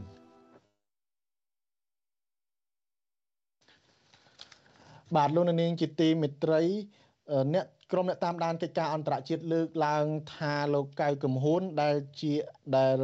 អាស៊ានបានជ្រើសតាំងឲ្យធ្វើជាអគ្គលេខាធិការអាស៊ាននោះនឹងមិនមានឥទ្ធិពលអ្វីនៅក្នុងការចូលរួមដោះស្រាយវិបត្តិនៅក្នុងតំបន់ឡើយជាពិសេសចំនួននយោបាយនៅក្នុងប្រទេសភូមាការលើកឡើងនេះនៅស្របពេលដែលលោកកៅកំហួនត្រូវបានជ្រើសតាំងឲ្យធ្វើជាអគ្គលេខាធិការអាស៊ាននៅប្រទេសឥណ្ឌូនេស៊ីកាលពីដើមខែមករានេះ បាទលោកទីនសការីយ៉ារីកាព័ត៌មាននេះក្រុមនៃវិភាគលើកឡើងថាតំណាងរបស់កម្ពុជាគឺលោកកៅកំហួនដែលបានធ្វើជាអគ្គលេខាធិការអាស៊ានបន្តពីប្រទេសប្រ៊ុយណេនោះគឺជារឿងល្អមួយសម្រាប់មុខមាត់កម្ពុជាប៉ុន្តែពួកគេលើកឡើងថាអគ្គលេខាធិការអាស៊ានមិនមានឥទ្ធិពលអ្វីលើការធ្វើសេចក្តីសម្រេចចិត្តណាមួយរបស់អាស៊ានឡើយនៅវិភាគនយោបាយលោកកឹមសុខមានប្រសាសន៍ថាលោកកៅកំហួនធ្វើជាអគ្គលេខាធិការអាស៊ាននេះមានទូនាទីត្រឹមតែជាអ្នកសម្របសម្រួល ឬធ្វើកិច្ចការរដ្ឋបាលរបស់អាស៊ានដើម្បីឲ្យដំណើរការរបស់អាស៊ានរលូនទៅមុខគឺមិនមានអត្តពលនយោបាយអ្វីនោះឡើយពីព្រោះគាត់កាន់កិច្ចការសម្របសម្រួលផ្ទៃក្នុងអាស៊ានណាណានឹងមានការងារមួយចំនួនគ្រប់គ្រងផ្នែកបច្ចេកទេសមែនតើទៅដូចជាចូលរួមក្នុងនាមជាអ្នកដឹកនាំកិច្ចការបច្ចេកទេសដែលត្រូវមានការដឹងឮថាវិបត្តិនានាឧទាហរណ៍ថា រដ្ឋប្រហារនៅប្រទេសភូមាតើវាវិវត្តដល់ណាហើយប្រធានអាស៊ាននឹងទៅចរចាជាមួយនឹងក្រុមចំនួននៅប្រទេសភូមានឹងបានលទ្ធផលប៉ុណ្ណាដូច្នេះអគ្គលេខាធិការអាស៊ានដែលចូលរួមការងារនោះគ្រាន់តែរៀបចំរបាយការណ៍ឬក៏កំណត់ហេតុនានាដែលពាក់ព័ន្ធទៅនឹងការងារសម្រាប់ធ្វើសេចក្តីរាយការណ៍ទៅ សមាជិកអាស៊ាននានានឹងជូនដំណឹងទៅសមាជិកអាស៊ាននានាឬក៏ត្រៀមឯកសារនោះប្រសិនបើមានការចាំបាច់ពីសមាជិកអាស៊ានណាមួយត្រូវការមើលពិនិត្យឲ្យបានច្បាស់លាស់តែប៉ុណ្ណោះទេលោកកៅកំហួនបច្ចុប្បន្នជារដ្ឋមន្ត្រីប្រតិភូអមនាយករដ្ឋមន្ត្រី តាំងពីឆ្នាំ2013មកលោកត្រូវបានប្រទេសឥណ្ឌូនេស៊ីដែលជាប្រធានបដូវវេនអាស៊ានសម្រាប់ឆ្នាំ2023បន្តពីលោកហ៊ុនសែនបានជ្រើសតាំងធ្វើជាអគ្គលេខាធិការអាស៊ាន កាលពីថ្ងៃទី9មករាឆ្នាំ2023បន្ទាប់ពីអតីតអគ្គលេខាធិការអាស៊ានមកពីប្រទេសប្រ៊ុយណេគឺលោកលឹមចុកហ៊ុយការជ្រើសតាំងលោកកៅកំហួននេះទៅតាមការកំណត់បដូវវេនគ្នាដែលមានចែងនៅក្នុងធម្មនុញ្ញអាស៊ានលោកជាជនជាតិខ្មែរដំបូងគេដែលត្រូវបានគេជ្រើសតាំងធ្វើជាអគ្គលេខាធិការអាស៊ាន បន្ទាប់ពីកម្ពុជាបានចូលជាសមាជិកអាស៊ាន នៅឆ្នាំ1999មកចាប់តាំងពីឆ្នាំ2006 លោកបានធ្វើជាអនុប្រធានក្រុមប្រឹក្សានៃវិជាស្ថានទំនាក់ទំនងជាតិកម្ពុជា នៅទីស្តីការគណៈរដ្ឋមន្ត្រីក្រៅពីនេះលោកកៅកំហួនមានតួនាទីច្រើនទៀតរួមមានសមាជិកក្រុមប្រឹក្សាសកលនៃសហគមន៍អាស៊ីអាគ្នេយ៍និងជាសមាជិកក្រុមប្រឹក្សាភិបាលនៃអ្នកគាំទ្រពិភពលោកសម្រាប់ការអភិវឌ្ឍនិងតួនាទីមួយចំនួនទៀតនៅមុនពេលលោកមានតួនាទីជាអគ្គលេខាធិការអាស៊ាននេះលោកកៅកំហួនក៏មានតួនាទីតំណាងឲ្យរដ្ឋាភិបាលឯកបៈរបស់លោកហ៊ុនសែន ដែលទទួលខុសត្រូវលើការពង្រឹងទំនាក់ទំនងអន្តរជាតិរបស់កម្ពុជា ជាពិសេសនៅក្នុងតំបន់អាស៊ានគេហទំព័ររបស់អាស៊ានបញ្ចុះផ្សាយអំពីប្រវត្តិសង្ខេបរបស់លោកកៅកំហួនបញ្ជាក់ថាលោកបានបញ្ចប់ការសិក្សាថ្នាក់បរិញ្ញាបត្រជាន់ខ្ពស់ផ្នែកសិល្បៈក្នុងការសិក្សាអន្តរជាតិពីសាកលវិទ្យាល័យអូហាយ៉ូនិងបញ្ចប់ថ្នាក់បណ្ឌិតទស្សនវិជ្ជាផ្នែកវិទ្យាសាស្ត្រនយោបាយពីសាកលវិទ្យាល័យ Hawaii នៅសហរដ្ឋអាមេរិកបើទោះបីជាលោកកៅកំហួនបានបញ្ចប់ការសិក្សាពីប្រទេសលោកសេរីបែបនេះក្តី ក៏ប៉ុន្តែការបំពេញទូនាទីរបស់លោកនៅក្នុងរបបលហ៊ុនសែនកន្លងមកលោកមិនបានជួយជ្រោមជ្រែងឲ្យលោកហ៊ុនសែនដើរលើកន្លងប្រជាធិបតេយ្យត្រឹមត្រូវឡើយបន្ថែមពីនេះលោកក៏ជួយគាំទ្រលោកហ៊ុនសែននៅក្នុងការបំផ្លាញប្រជាធិបតេយ្យនិងរំលោភសិទ្ធិមនុស្សធ្ងន់ធ្ងរនៅកម្ពុជាដែររីឯនៅក្នុងទូរនទីរបស់លោកជាអគ្គលេខាធិការអាស៊ាននេះវិញថ្មីត្បិតតែធម្មនុញ្ញអាស៊ានបានចែងអំពីអគ្គលេខាធិការអាស៊ានមិនត្រូវស្ថិតនៅក្រោមអធិបុលនយោបាយណាមួយក្តី ក៏ប៉ុន្តែនៃវិភាគមិនរំពឹងថាលោកកៅកំហួនអាចបំពេញទូរនទីរបស់ខ្លួនបានដោយអាយក្រេតពីលោកនាយករដ្ឋមន្ត្រីហ៊ុនសែនបានឡើយអ្នកខ្លោមមើលផ្នែកអភិវឌ្ឍសង្គមបណ្ឌិតសេនស៊ូរីមានប្រសាសន៍ថាពិបាកណាស់ក្នុងការវិតម្លៃថាលោកកៅកំហួននឹងបំពេញទូនាទីរបស់ខ្លួនជាអគ្គលេខាធិការអាស៊ានបាននៅក្នុងកម្រិតណានៅឡើយនៅក្នុងអាណត្តិរយៈពេល5ឆ្នាំរបស់លោកនោះសម្រាប់ខ្ញុំខ្ញុំគិតថាវា ពិបាកណាស់ក្នុងការវាតម្លៃថាតើលោកកៅកំហួននឹងអាចបំពេញតួនាទីរបស់ខ្លួនល្អឬយ៉ាងណានោះបាទក៏ប៉ុន្តែបើយើងយោងទៅតាមកម្រិតនៃការសិក្សារបស់លោកកៅកំហួនលោកកៅកំហួនទទួលបានសញ្ញាបត្របណ្ឌិត ផ្នែកការសិក្សាអាស៊ីអាគ្នេយ៍ពីសហរដ្ឋអាមេរិកហើយបើយើងមើលពីសញ្ញាបត្រនេះយើងគិតថាក៏វាសមសួននៅក្នុងការទទួលបានតំណែងនេះដែរទី1ទី2 បើយើងមើលពីសមត្ថភាពនៅក្នុងការដឹកនាំជារួមយើងក៏មិនទាន់ឃើញថាតើលោកកៅកំហួននឹងអាចដឹកនាំក្នុងនាមជាអគ្គលេខាការអាស៊ាននឹងបានកម្រិតប៉ុណ្ណាដែរបញ្ហាចម្រុងចម្រាស់របស់អាស៊ានដែលលោកហ៊ុនសែនក្នុងនាមជាប្រធានបដូវវេនអាស៊ានកាលពីឆ្នាំ2022បានបរាជ័យនៅក្នុងការដោះស្រាយនោះគឺចំនួននយោបាយនៅមីយ៉ាន់ម៉ាឬភូមាចំនួននយោបាយនៅភូមាដែលអតីតអគ្គលេខាធិការអាស៊ានលោកលឹមចុកហុយ និងប្រសិទ្ធពិសេសរបស់អាស៊ានលោកប្រាក់សុខុនព្យាយាមសម្រាប់សម្រួលក្រោយពីលោកហ៊ុនសែនបានទៅជួបមេដឹកនាំរបបសឹកលោកមីនអងលៀងហើយដោះស្រាយមិនបានសម្រេចនោះគឺបានអស់បន្លាយមកដល់បច្ចុប្បន្នបញ្ហានេះបានធ្លាក់ទៅដល់ដៃឥណ្ឌូនេស៊ីដែលជាប្រធានបដូវវេនបន្តពីលោកហ៊ុនសែនត្រូវដោះស្រាយបន្តករណីនេះក្រុមនៃវិភាគមើលឃើញថាលោកកៅកំហួនក៏មានទូនាទីសំខាន់ដែរក្នុងការបន្តបេសកកម្មសម្រាប់សម្រួលនិងរៀបចំបែបបទរដ្ឋបាល មុននឹងឈានដល់ប្រធានអាស៊ាននិងសមាជិកទាំងអស់ធ្វើសេចក្តីសម្រេចចិត្តណាមួយជាចុងក្រោយអំពីបញ្ហាចំនួននយោបាយនៅភូមិនេះក៏ប៉ុន្តែក្រុមអ្នកវិភាគមិនរំពឹងថាលោកកៅកំហួនអាចធ្វើអ្វីបានលើសពីអតីតអគ្គលេខាធិការអាស៊ានមុនដែរមាត្រា11នៃធម្មនុញ្ញអាស៊ានចែងថាអគ្គលេខាធិការអាស៊ានត្រូវបានតែងតាំងដោយកិច្ចប្រជុំកំពូលអាស៊ានសម្រាប់អាណត្តិ5ឆ្នាំដែលអាណត្តិនេះមិនអាចបន្តទៀតបានទេ ហើយត្រូវជ្រើសចេញពីក្នុងចំណោមជនជាតិនៃរដ្ឋជាសមាជិកផ្អែកទៅលើការបដូរវេនគ្នាតាមលំដាប់លំដោយនៃឈ្មោះរដ្ឋជាសមាជិកដោយពិចារណាល្អិតល្អន់ទៅលើសុចរិតភាព សមត្ថភាពបទពិសោធន៍វិជ្ជាជីវៈនិងសមាសភាព Gender អគ្គលេខាធិការអាស៊ានត្រូវអនុវត្តភារកិច្ចនិងការទទួលខុសត្រូវនៃការិយាល័យជាន់ខ្ពស់មួយនេះដោយយោងទៅតាមបទបញ្ញត្តិនៃធម្មនុញ្ញអាស៊ាន និងលិខិតតបកពិធីសារនិងកិច្ចប្រតិបត្តិពាក់ព័ន្ធទាំងឡាយរបស់អាស៊ាន សម្របសម្រួលនឹងត្រូវពិនិត្យមើលពីការរីកចម្រើននៃការអនុវត្តកិច្ចព្រមព្រៀងនិងសេចក្តីសម្រេចរបស់អាស៊ាននិងដាក់របាយការណ៍ប្រចាំឆ្នាំស្តីពីការងាររបស់អាស៊ានជូនកិច្ចប្រជុំកំពូលអាស៊ានអគ្គលេខាធិការអាស៊ានមិនត្រូវស្វែងរកឬទទួលបញ្ជាពីរដ្ឋាភិបាលណាមួយឬភាគីខាងក្រៅអាស៊ានឡើយទប់ស្កាត់សកម្មភាពណាមួយដែលអាចឆ្លុះបញ្ចាំងលើគោលជំហររបស់ខ្លួនជាមន្ត្រីលេខាធិការដ្ឋានអាស៊ាន ដែលមានការទទួលខុសត្រូវចំពោះតែអាស៊ានប៉ុណ្ណោះខ្ញុំទីនសាការីយ៉ាស៊ីសេរីប្រធានីវ៉ាស៊ីនតោនបាទលោកនាងទើបបានស្ដាប់សេចក្តីរាយការណ៍របស់លោកទីនសការីយ៉ាបាទបាទឥឡូវនេះយើងងាកទៅមើលអំពីបញ្ហាប្រឈមរបស់ប្រជាពលរដ្ឋដែលរស់នៅជាប់បឹងតមោកវិញម្ដង បាទប្រជាពលរដ្ឋដែលរស់នៅជាប់បឹងតមោកជាច្រើនគ្រួសារព្រួយបារម្ភពីការបាត់បង់មុខរបរនិងចំណូលប្រចាំថ្ងៃរបស់ពួកគាត់និងលំនៅឋានរបស់ពួកគាត់ដោយសារតែគ្រឿងចាក់ជាច្រើននៅតែបន្តចាក់លុបបឹងផ្ទៃបឹងទាំងយប់ទាំងថ្ងៃបាទមន្ត្រីសង្គមស៊ីវិលជំរុញឲ្យរដ្ឋាភិបាលដោះស្រាយករណីពួកគាត់ឲ្យបានយុត្តិធម៌ត្រឹមត្រូវមិនគូបង្ខំប្រជាពលរដ្ឋឲ្យចាក់ចេញទៅកន្លែងថ្មីដែលពួកគាត់មិនពេញចិត្តនោះទេបាទលោកយ៉ងច័ន្ទរារាយការណ៍ព័ត៌មាននេះ ពីបឹងនេះទៀតទេបឹងនេះចិត្តផ្សារ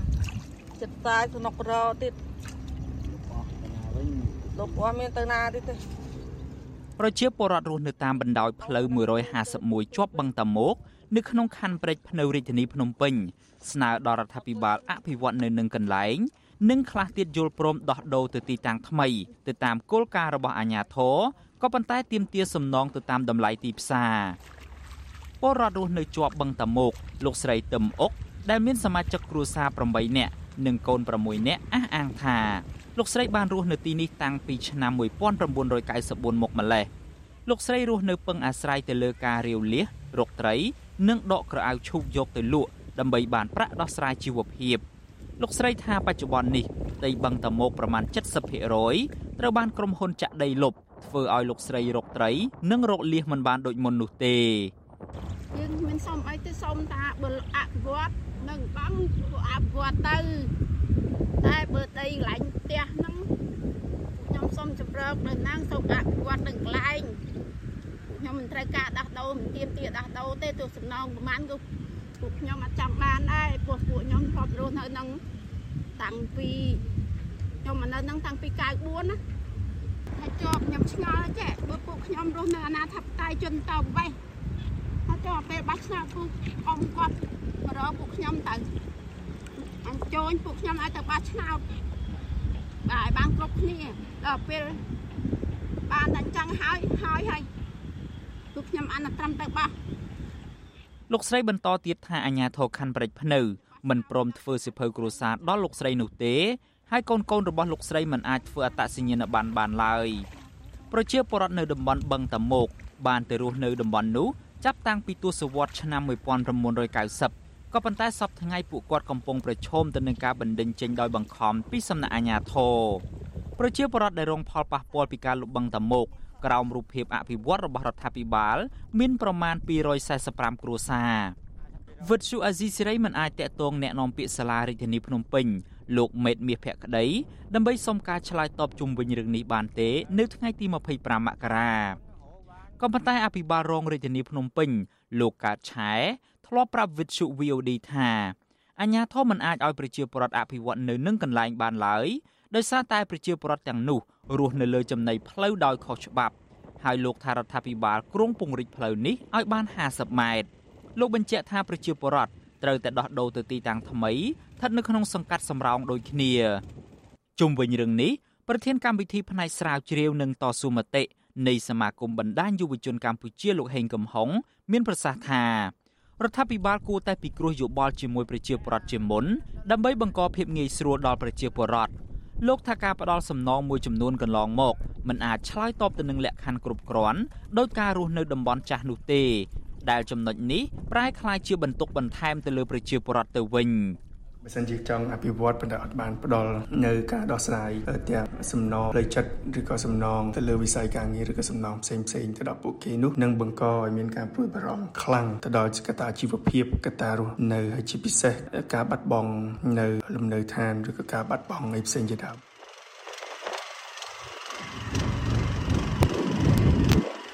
បឹងតាមុកឬបឹងកប់ស្រូវមានផ្ទៃដីសរុបជាង3000ហិកតា គឺជាអាងស្តុកទឹកកខ្វក់និងរំដោះទឹកចេញពីរាជធានីភ្នំពេញក៏ប៉ុន្តែរដ្ឋាភិបាលលោកហ៊ុនសែនបានកាត់ដីឬក៏ដោះដូរផ្ទៃបឹងតាមុកសរុបជាង2000ហិកតាទៅឲ្យស្ថាប័នរដ្ឋក្រុមហ៊ុនឯកជន និងបុគ្គលឯកជនមួយចំនួន ដែលគេដឹងថាជាអ្នកមានលុយមានអំណាចក្រុមអុកញ៉ានិងអ្នកជិតស្និទ្ធនឹងលោកហ៊ុនសែនជាដើម ប្រជាពលរដ្ឋនិងអង្គការសង្គមស៊ីវិលទទូចដល់រដ្ឋាភិបាល ដោះស្រាយបញ្ហាដល់ប្រជាពលរដ្ឋនៅតំបន់បឹងតាមុកដោយសន្តិវិធី និងផ្ដល់សំណងសមរម្យដើម្បីឲ្យពួកគាត់អាចរស់នៅ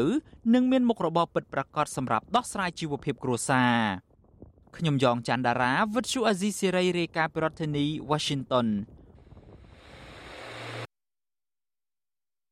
បាទលោកនាងជាទីមេត្រីលោកនាងកំពុងតាមដានការផ្សាយផ្ទាល់របស់វិទ្យុអាស៊ីសេរីផ្សាយចេញពីប្រទេសអូស្ត្រាលីក្រុមការសម្របសម្រួលផ្នែកបច្ចេកទេសរបស់ក្រុមការងារយើងពីសហរដ្ឋអាមេរិកបាទបាទនៅលើក្រដាស់កម្ពុជាគឺជាប្រទេសប្រកាន់ខ្ជាប់នៅលទ្ធិប្រជាធិបតេយ្យសេរីពហុបកនិងមានច្បាប់ជាតិអន្តរជាតិជាច្រើន ដែលធានាការពារប្រជាពលរដ្ឋឲ្យមានសិទ្ធិសេរីភាពបញ្ចេញមតិសេរីភាពខាងសារព័ត៌មាននិងសេរីភាពចូលរួម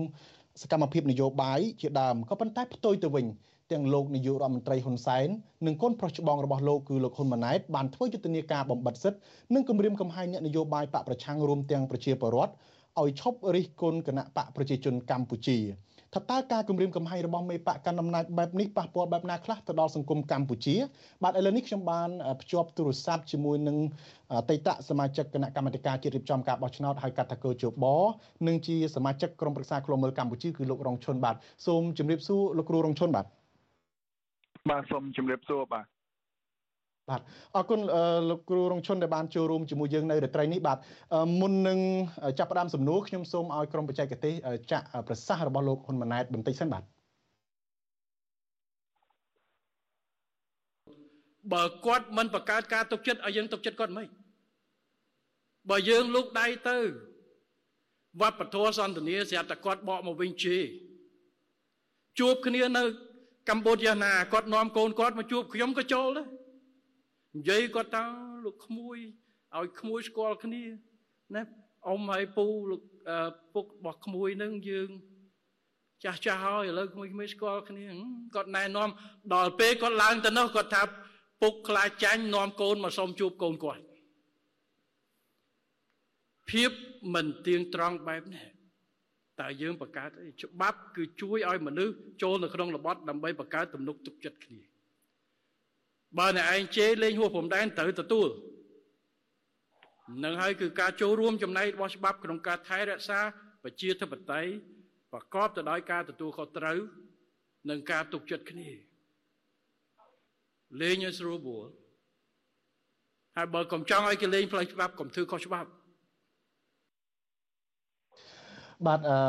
លោកនាងបានស្ដាប់ប្រសាសន៍របស់លោកហ៊ុនម៉ាណែតហើយដែលលោកបានបង្ហោះសារនៅលើទំព័រ Facebook ផ្លូវការរបស់លោកដោយលោកលើកឡើងថាលោកបានជួបជាមួយនឹងលោកថៃសិដ្ឋាហើយបានប្រាប់ឲ្យលោកថៃសិដ្ឋានឹងឈប់រិះគន់ទៅដល់គណៈបកប្រជាជនកម្ពុជាហើយរិះលើកឡើងអំពីគោលនយោបាយរបស់ខ្លួនកុំឲ្យប៉ះពាល់ដល់កិត្តិយសហើយបើប៉ះពាល់ទេគឺថាគណៈបករបស់លោកនឹងមិនលើកលែងឡើយនឹងមានការចាត់វិធានការបាទទន្ទឹមទៅនឹងការប្រមានរបស់លោកហ៊ុនម៉ាណែតនឹងគឺឪពុករបស់លោកគឺលោកនាយករដ្ឋមន្ត្រីហ៊ុនសែនវិញក៏បានប្រកាសថាមិនអត់ឱនឲ្យទេហើយបើហ៊ានតែរិះគន់លោកនឹងឲ្យចាំមើលតើតើលោកនឹងធ្វើអ្វីលើសពីនេះលោកកន្លងមកនឹងលោកថែមទាំងគម្រាមចាត់វិធានការច្បាប់ផងថែមទាំងគម្រាម រហូតដល់ប្រើហិង្សាទៀតផងបើសិនបើការរិះគន់ប៉ះពាល់ទៅដល់គណៈបកប្រជាជនកម្ពុជា ហើយលោកថែមទាំងហាមមិនឲ្យលើកឡើងនៅរឿងរ៉ាវប្រវត្តិនៃការកកើតរបស់គណៈបកប្រជាជនកម្ពុជាជាដើមថ្មីថ្មីនេះយើងឃើញគណៈបកប្រជាជនកម្ពុជាគ្រប់ក្រសួងស្ថាប័នគ្រប់ខេត្តក្រុងនឹងគឺថាបានចេញញត្តិថ្កោលទោសអីជាដើមទៅដល់គណៈបកភ្លើងទៀនហើយវិធានការក៏បានកាត់ឡើងជាបន្តបន្ទាប់ដែរគឺថាមានការចាប់លោកថៃសិដ្ឋាដាក់ពន្ធនាគារដែលជាអនុប្រធានគណៈបកភ្លើងទៀនមានការរឹបអូសទ្រព្យសម្បត្តិរបស់ ទីប្រឹក្សាគណៈបកភ្លើងទៀននឹងគឺលោកគួងគំមានការរឹបអូសទ្រព្យសម្បត្តិរបស់លោកសុនឆៃជាដើមហើយខាងមេបកប្រឆាំងផ្សេងទៀតនឹងរូបសំរងស៊ីនឹងក៏ត្រូវបានរឹបអូសទ្រព្យសម្បត្តិផងដែរអឺខ្ញុំចង់ងាកមកសំណួរទៅលោករងឈុនតែម្ដងថាតើការគម្រាមកំហែងបំបិតសិទ្ធិបែបនេះដោយលោកបានច្រាប់ជ្រាបហើយថាកម្ពុជាជាប្រទេសប្រជាធិបតេយ្យបើកសិទ្ធិឲ្យប្រជាពលរដ្ឋនឹងអាចមានសិទ្ធិមានការរិះគន់អីយ៉ាងដែរហើយអឺបែរជាមិនឲ្យមានការរិះគន់មានការគម្រាមកំហែងបែបនេះវាឆ្លុះបញ្ចាំងបែបណាដែរបាទ ជាការពិតនៅ ក្នុងសង្គមកម្ពុជាយើង នៅ ក្នុងរដ្ឋធម្មនុញ្ញក៏ដូចជាកិច្ចព្រមព្រៀងត្រង់ប៉ារីសស្ដីពីបញ្ហាកម្ពុជា ហើយនឹងអនុសញ្ញាកតិកាសញ្ញាស្ដីពីបញ្ហាសិទ្ធិមនុស្សក៏បានលើកឡើងអំពីសិទ្ធិសេរីភាពនិងសិទ្ធិមនុស្សហើយកម្ពុជាយើងប្រកាន់យករបបប្រជាធិបតេយ្យប៉ុន្តែការកត់សម្គាល់ ដែលយើងកត់សម្គាល់បន្ទាប់ពីចុងឆ្នាំ2017មានការរំលាយគណៈបក្សសង្គ្រោះជាតិមានការចាប់មេបពប្រឆាំងចាប់សកម្មជន ហើយក៏អ្នកនយោបាយមួយចំនួនភៀសខ្លួនទៅខាងក្រៅយើងឃើញសេរីភាពទាំងការបញ្ចេញមតិការគោរពសិទ្ធិនោះនិងលទ្ធិប្រជាធិបតេយ្យត្រូវបានធ្លាក់ចុះជាកំហុក ស្ទើរតែសូន្យហើយត្រូវបានសហគមន៍អន្តរជាតិធ្វើការថ្កោលទោសមកលើកម្ពុជាយើងប៉ុន្តែអ្វីដែលយើងមានការភ្ញាក់ផ្អើលបន្ទាប់ពីសេរីភាពក៏ដូចជាការគោរពសិទ្ធិមនុស្សធ្លាក់ចុះអ្វីដែលយើងភ្ញាក់ផ្អើលមួយទៀតនោះបន្ទាប់មកប្រមាណហើយជាកន្លះឆ្នាំ នេះដែលឃើញលោកនាយករដ្ឋមន្ត្រីបានប្រកាសជារឿយរឿយតាក់ទងទៅនឹងការដែលនិយាយពីប្រវត្តិគណៈបកប្រជាជនហើយតាក់ទងទៅនឹងការដែលថាគណៈបកប្រជាជនលួចស្លឹកឆ្នោតអីហ្នឹងនឹងត្រូវមានវិធានការជាទម្ងន់ជើងតើតើលោកមើលឃើញថាហេតុអីបានជាគណៈបព្វជិជនកម្ពុជារបស់លោកហ៊ុនសែននឹងហាក់ដូចជាខ្លាចបាទ តើតើលោកមើលឃើញថាហេតុអីបានជាលោកហ៊ុនសែននៅគណៈបករបស់លោកនឹងហាក់ដូចជាខ្លាចការរិះគន់សម្បំហ្នឹងបាទ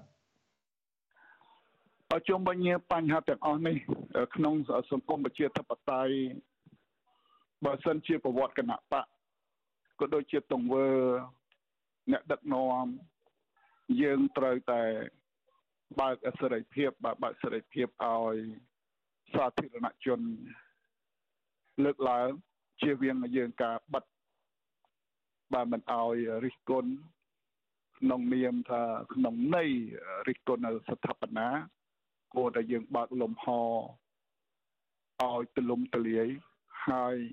យើងអ្នកដឹកនាំរដ្ឋត្រូវទទួលយកហើយចំណុចល្អចំណុចមិនល្អយើងទុកចោលយើងមិនត្រូវយកទោសយកបៃដោយសារតែ ការរិះគន់ក្នុងនៃស្ថាបនានោះទេអានឹងបើបាទលោករងជនខ្ញុំសូមកាត់ប្រសាសន៍លោកដែរបាទសង្គមប្រជាធិបតេយ្យហើយបើសិនជាយើងខ្លាចការបិទយើងមិនហ៊ានទទួលការពិតអានឹងវាធ្វើឲ្យមានវិបត្តិបើមានវិបត្តិនៅក្នុងសង្គមក៏ដូចវានឹងមានវិបត្តិសម្រាប់គណៈបកដែលខ្លួនកំពុងតែ ដឹកនាំនឹងផង យើងទុកឲ្យប្រជាពលរដ្ឋធ្វើការវិនិច្ឆ័យទៅ បើសិនជាខ្លួន ដឹកនាំល្អហើយគណៈបកល្អខ្លាចអីឲ្យរិះគន់ប្រជាពលរដ្ឋគាត់ធ្វើការវិនិច្ឆ័យគាត់ដឹងថាអ្នកណាល្អអ្នកណាអាក្រក់ហើយបើសិនជារិះគន់ទៅលើអ្នកល្អពេលហ្នឹងប្រជាពលរដ្ឋគាត់នឹងវាយតម្លៃថា អ្នកដែលរិះគន់ហ្នឹងមិនល្អហើយដូច្នេះអ្នកដែលដឹកនាំអ្នកដែលកាន់អំណាចមិនបាច់ព្រួយបារម្ភហើយមិនបាច់ផ្ញើសារបំផិតបំភ័យគម្រាមកំហែងបន្តទៅទៀតទេដោយកាលបើយើងងាកទៅមើលប្រវត្តិសាស្ត្រងាកទៅមើលប្រវត្តិសាស្ត្រសម័យខ្មែរក្រហមបាទសម័យខ្មែរក្រហមសម័យនោះហេតុផលដែល មានបញ្ហាកើតឡើងដល់ប្រជាពលរដ្ឋដោយសារតែមេដឹកនាំមិនឲ្យប្រជាពលរដ្ឋបញ្ចេញមតិយោបល់អីទាំងអស់អត់មានទទួលយកសម្លេងមតិប្រជាពលរដ្ឋទាំងអស់អញ្ចឹងហើយបានជាមានការកាប់សម្លាប់បង្អត់បាយរយៈពេល3ឆ្នាំ8ខែ20ថ្ងៃហ្នឹងបាទអាហ្នឹងដែលបញ្ហាប្រវត្តិសាស្ត្រនៅកម្ពុជាយើងដោយសារតែ អ្នកដឹកនាំមិនទទួលយកការរិះគន់ពីមតិប្រជាពលរដ្ឋអញ្ចឹងយើងមិនចាំពីកម្ពុជាបាទជាន់បានលើប្រវត្តិសាស្ត្រទេបាទបាទខ្ញុំសូមកាត់ប្រសាសន៍របស់លោកបន្តិចបាទដូចកន្លងមកលោករងឈុនប្រហែលជាអ្នកស្ដាប់ក៏បានចាំដែរលោកបណ្ឌិតកែមលីបានលើកឡើងថាបើធ្វើជាអ្នកនយោបាយឬក៏អ្នកដឹកនាំប្រទេសជាតិមិនឲ្យមានការរិះគន់នឹងទៅធ្វើជាអ្នកដាំដលងឬក៏ទៅធ្វើស្រែវិញទៅលោករងឈុនថាហេតុអីបានជា គណៈបកប្រជាជនកម្ពុជានឹងហាក់ដូចជាខ្លាចការរិះគន់ការលើកឡើងពីប្រវត្តិរបស់គណៈបកប្រជាជនកម្ពុជាអីជាដើមហេតុអីបានជាមានការភ័យព្រួយទៅវិញហើយមានការគម្រាមបែបនេះបាទខ្ញុំមិនយល់ត្រង់ចំណុចនឹងដែរបើសិនជាធម្មតាការផ្ញើសារវាជាផ្នែកមួយប៉ុន្តែត្រូវបញ្ចេញគេថាទង្វើទង្វើឲ្យបានច្រើន ជាងការដើរជួបដើរផ្ញើសារហើយបើសិនជាទង្វើយើងល្អមានរឿងអីដែលយើងត្រូវខ្លាចការរិះគន់បាទបាទការរិះគន់ចុះលោកមើលពីខាងគណៈបកដឹកនាំរដ្ឋាភិបាលវិញបាទការរិះគន់ពីប្រជាពលរដ្ឋពេលហ្នឹងនឹងទទួលបានច្រើនហើយបើសិនជាការរិះគន់ទៅយើងយកការរិះគន់ហ្នឹងទៅធ្វើការកែលម្អខ្លួនទៅពេលហ្នឹងគណៈបក ក៏ដូចជាបុគ្គលនយោបាយហ្នឹងនឹងទទួលបានការគ្រប់គ្រងហើយបាទតែផ្ទុយទៅវិញបើបិទសិទ្ធិសេរីភាពមិនអោយធ្វើការរិះគន់ហើយនៅតែបន្តគម្រាមកំហែងពេលហ្នឹងវានឹងជះឥទ្ធិពលអាក្រក់មកលើខ្លួនឯងហើយនឹងគណៈបករបស់ខ្លួនហ្នឹងបាទបាទបាទថាតើឥឡូវនេះមើល ឆ្លោះប្រចាំងទៅខាងគណៈបកកណ្ដាលអំណាចវិញថាតើគណៈបកកណ្ដាលអំណាចនឹងធ្វើខ្លួនបានស្អាតស្អំមិនចេះរិះគន់អីដែរឬទេឬក៏មានការវេបហាការរិះគន់ការលៀបពណ៌ដូចគ្នាដែរហើយថាតើខាងភៀកគីប្រជាពលរដ្ឋក៏ដូចជាគណៈបកប្រឆាំងនឹងគូប្រកាន់ចំហបែបណាដែរនៅតែបន្តធ្វើការរិះគន់ឬក៏ប្រឈប់ដោយសារការគម្រាមកំហែងបែបនេះបាទសូមលោកមានប្រសាសន៍ខ្លីបាទដោយសារយើងជិតអស់ពេលបាទ ជុំវិញបើតាមខ្ញុំមើលតាមដានព័ត៌មានដែលឃើញសង្កតកថាលោកនាយករដ្ឋមន្ត្រីផ្ញើសារទៅកាន់ប្រជាពលរដ្ឋនៅវេទិកាតែងតែភ្ជាប់ទៅនឹងការវាយប្រហារដៃគូហើយយើងមិនចង់ឃើញមេដឹកនាំផ្ញើសារដោយក្រៀតក្រោតអសរោះបែបហ្នឹងទេ ហើយទី2តកតងទៅនឹងអ្នកនយោបាយប្រឆាំងត្រូវតែបន្តនិយាយការពិតបន្តទៀតបាទ ទោះបីអរគុណលោករងជនឥឡូវនេះយើងដល់ពេលហើយបាទសូមអធិស្ឋានបាទត្រូវតែបន្តនិយាយការពិតបន្តទៀតបាទបាទអរគុណលោកគ្រូរងជនដែលបានចូលរួមជាមួយយើងនៅរាត្រីនេះដោយសារពេលវេលាខ្លីខ្ញុំសូមអធិស្ឋានកាត់ប្រសាសន៍ឲ្យសឿងបិទបញ្ចប់កិច្ចពិភាក្សាត្រឹមប៉ុណ្ណេះហើយយើងនឹងជជែកគ្នាបន្តទៀតជុំវិញរឿងរ៉ាវទាំងនេះបាទសូមអរគុណសូមជូនពរសូមជម្រាបលាបាទបាទលោកនាងជាទីមេត្រីកម្មវិធីផ្សាយរយៈពេល1ម៉ោងរបស់វិទ្យុអស៊ីសេរីនៅរាត្រីនេះ